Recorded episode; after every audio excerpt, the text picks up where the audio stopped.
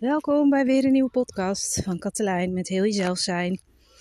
Ik ben dus Katelijn, ik ben relatietherapeut en life coach met expertise op het gebied van hooggevoeligheid. En vandaag wil ik het met jullie hebben over het belang van indrukken uitdrukken. Dan denk je misschien, wat is dat nou weer? Nou, wat ik daarmee bedoel is dat elke ervaring in het leven is een indruk. Hè? En het doet ook letterlijk iets met je.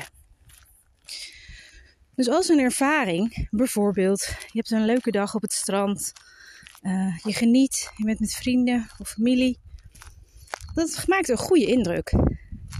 En doordat je die ervaring hebt, lach je, je bent sociaal, misschien ga je zelfs dansen. En op die manier druk je weer uit wat je door die indruk, door die ervaring ervaart. En dat is natuurlijk een hele makkelijke manier. En dat is ook een manier die we wel ja, aangeleerd hebben. Omdat positieve emoties nou eenmaal meer gewaardeerd worden. En in die zin ook meer ruimte krijgen dan negatieve. Nou, dan kun je je wel voorstellen dat het andersom hetzelfde werkt. Behalve dat we door de negatieve indrukken, die ook iets met ons doen, iets minder staan te popelen om deze vervolgens weer uit te drukken. Want dan kom je dus op het gebied van emoties die niet aangemoedigd werden. Die wordt niet aangemoedigd om even lekker een potje te huilen. Of om boos te zijn. Of dwars. Of verontwaardigd. Of onzeker. Dat zijn over het algemeen emoties die we liever niet zien, die we niet willen ervaren. Maar daardoor ook niet worden aangemoedigd om tentoongesteld te worden. En daardoor leren we eigenlijk het tegenovergestelde. Onderdruk die maar. Nou, en we willen natuurlijk bij de groep horen, we willen erbij blijven. Dus dat is wat we doen.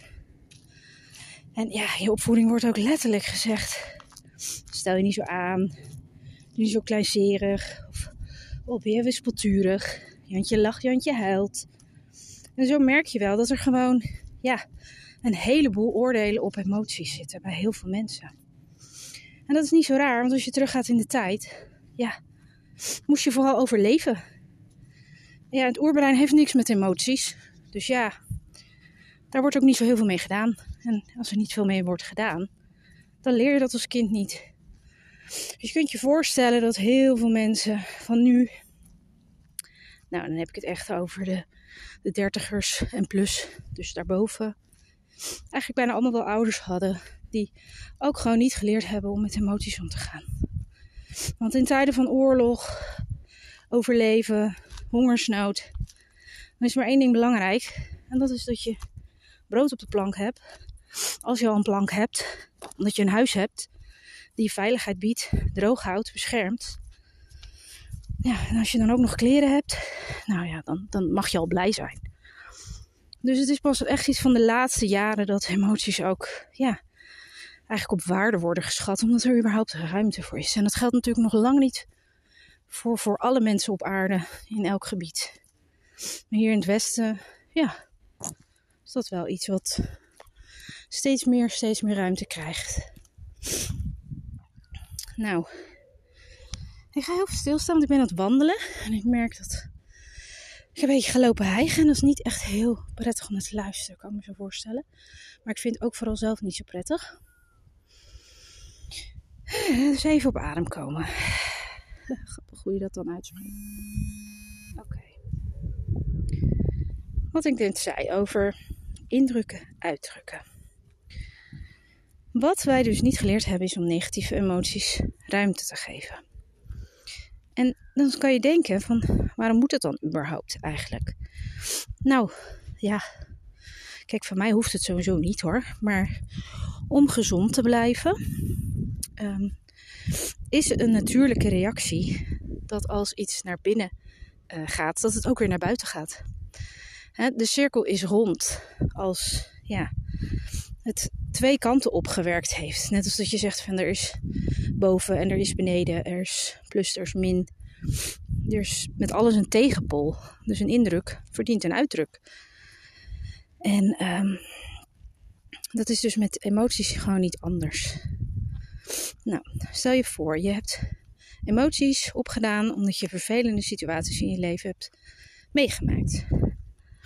En daardoor voel je je verdrietig of boos. Nou, je hebt daar een oordeel op, want je hebt geleerd door ouders die er zelf niet mee om konden gaan, dat je maar beter gewoon normaal kon doen.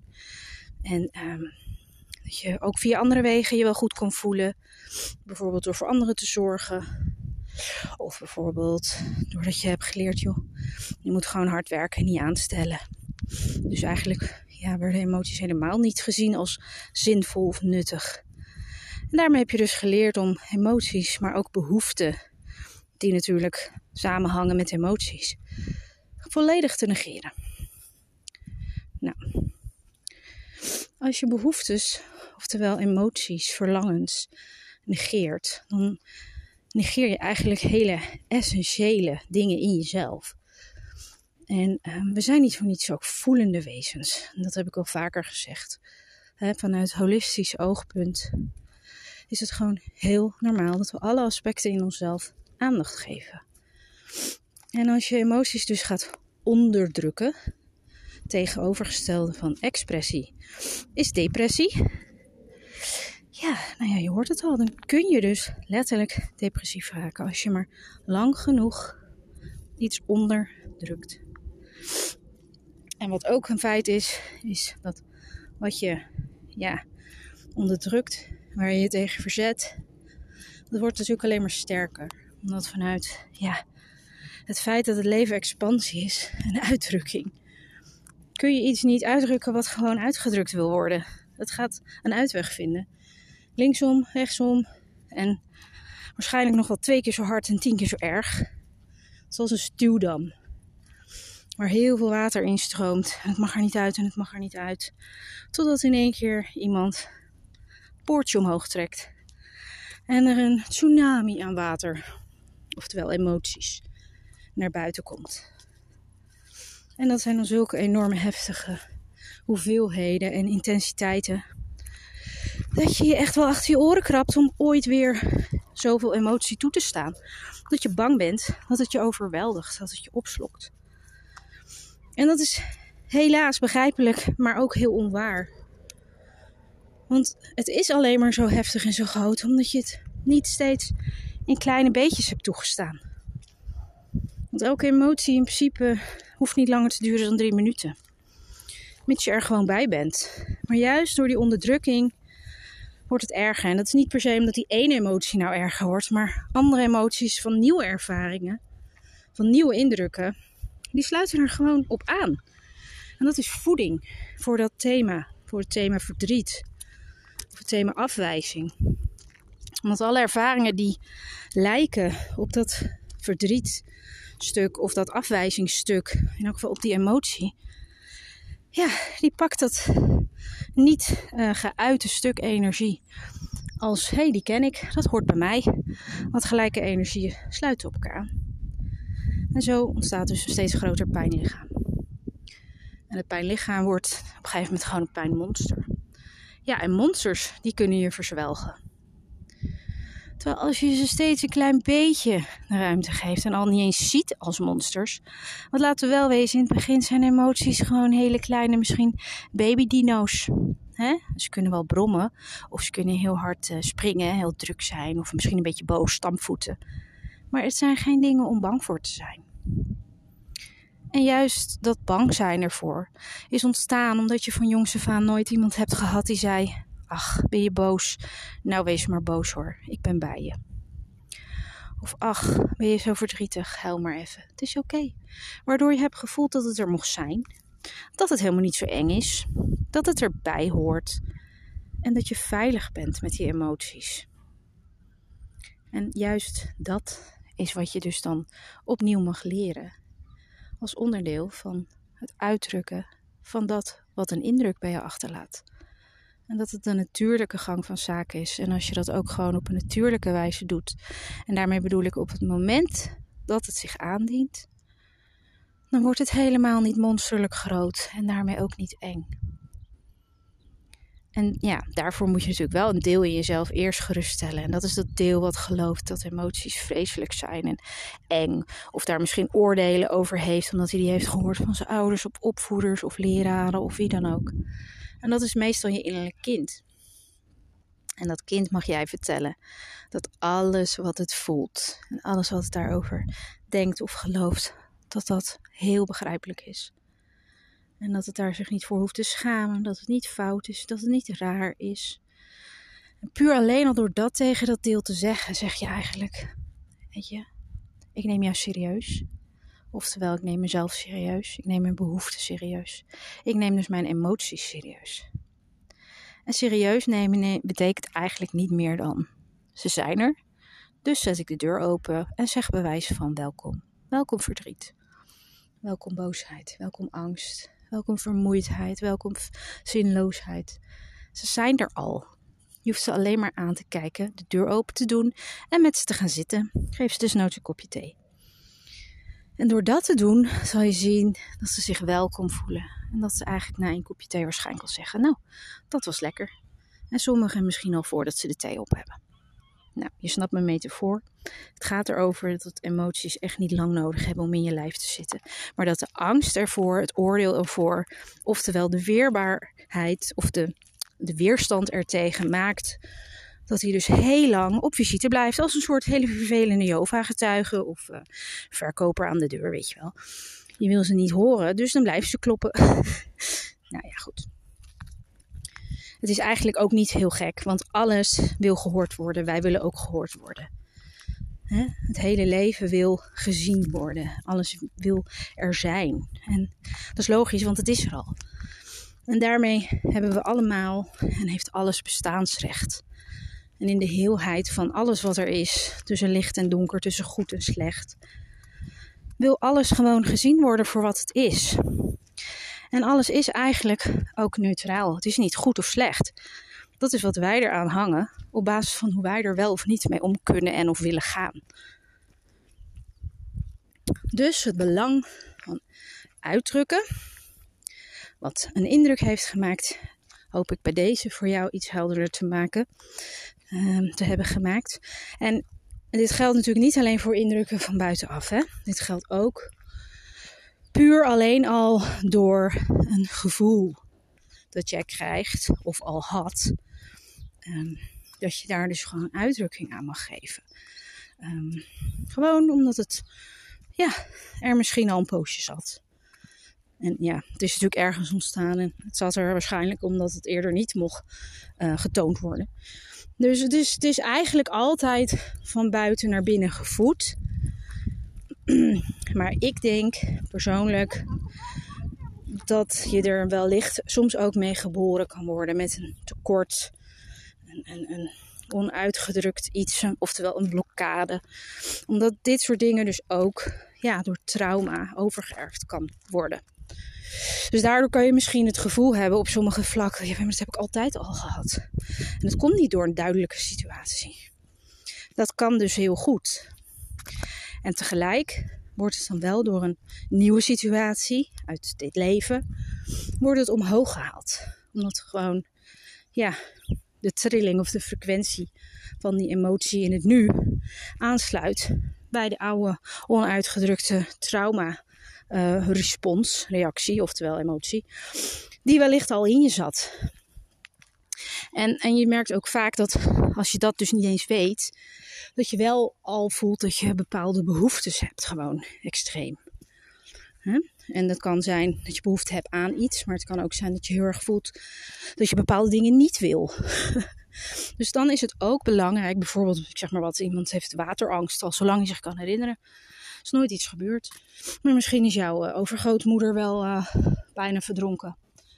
Uh, en ja, dat DNA dat zit dus in de moeder van je moeder en daarmee ook in jou. En dat wil dus nog steeds gevoeld worden. Dus het gaat ook generaties terug. En, en het belang van uitdrukken blijft dus eigenlijk ook op die manier terugkomen. Zeker in een familiesysteem. Zodat het alsnog uitgedrukt kan worden, omdat dat gewoon de wet is in het universum. Dus ja, dan zit je daar mooi mee, denk je. Maar het enige wat je hoeft te doen, en dat klinkt heel simpel natuurlijk, is die angst onder ogen te zien. En die dus uit te drukken. En dat kan je dus doen door het letterlijk gewoon aan te gaan. En je zal zien dat hij dan heel goed kan verdwijnen. En ja, ik ben daar echt een voorstander van. En ik ben echt een tegenstander van emoties en angsten onderdrukken met behulp van pilletjes. Uh, ik geloof daar persoonlijk niet zo in, hoewel iedereen natuurlijk mag doen wat hij wil. En ik uh, snap dat het soms echt een overbrugging kan zijn om ja, een bepaalde fase door te komen. En tegelijk voel ik dat ja, die, die angsten of andere emoties, welke dan ook, maakt eigenlijk niet uit. Eigenlijk allemaal gewoon gevoeld willen worden en daarmee ook hun les aan jou kunnen duidelijk maken. Dat je als je veel angst voelt, dat je eigenlijk wordt uitgenodigd. Nou ja, in eerste plaats in, het voorbeeld van net. Om, om familietrauma op te schonen. dat zie je veel nu. Dat zie je echt heel veel nu. Dat ja, alles wil uh, een hoger bewustzijn uh, krijgen. En daarvoor moet er natuurlijk heel veel troep opgeruimd worden. Want om iets nieuws te hebben, moet er eerst schoongemaakt worden.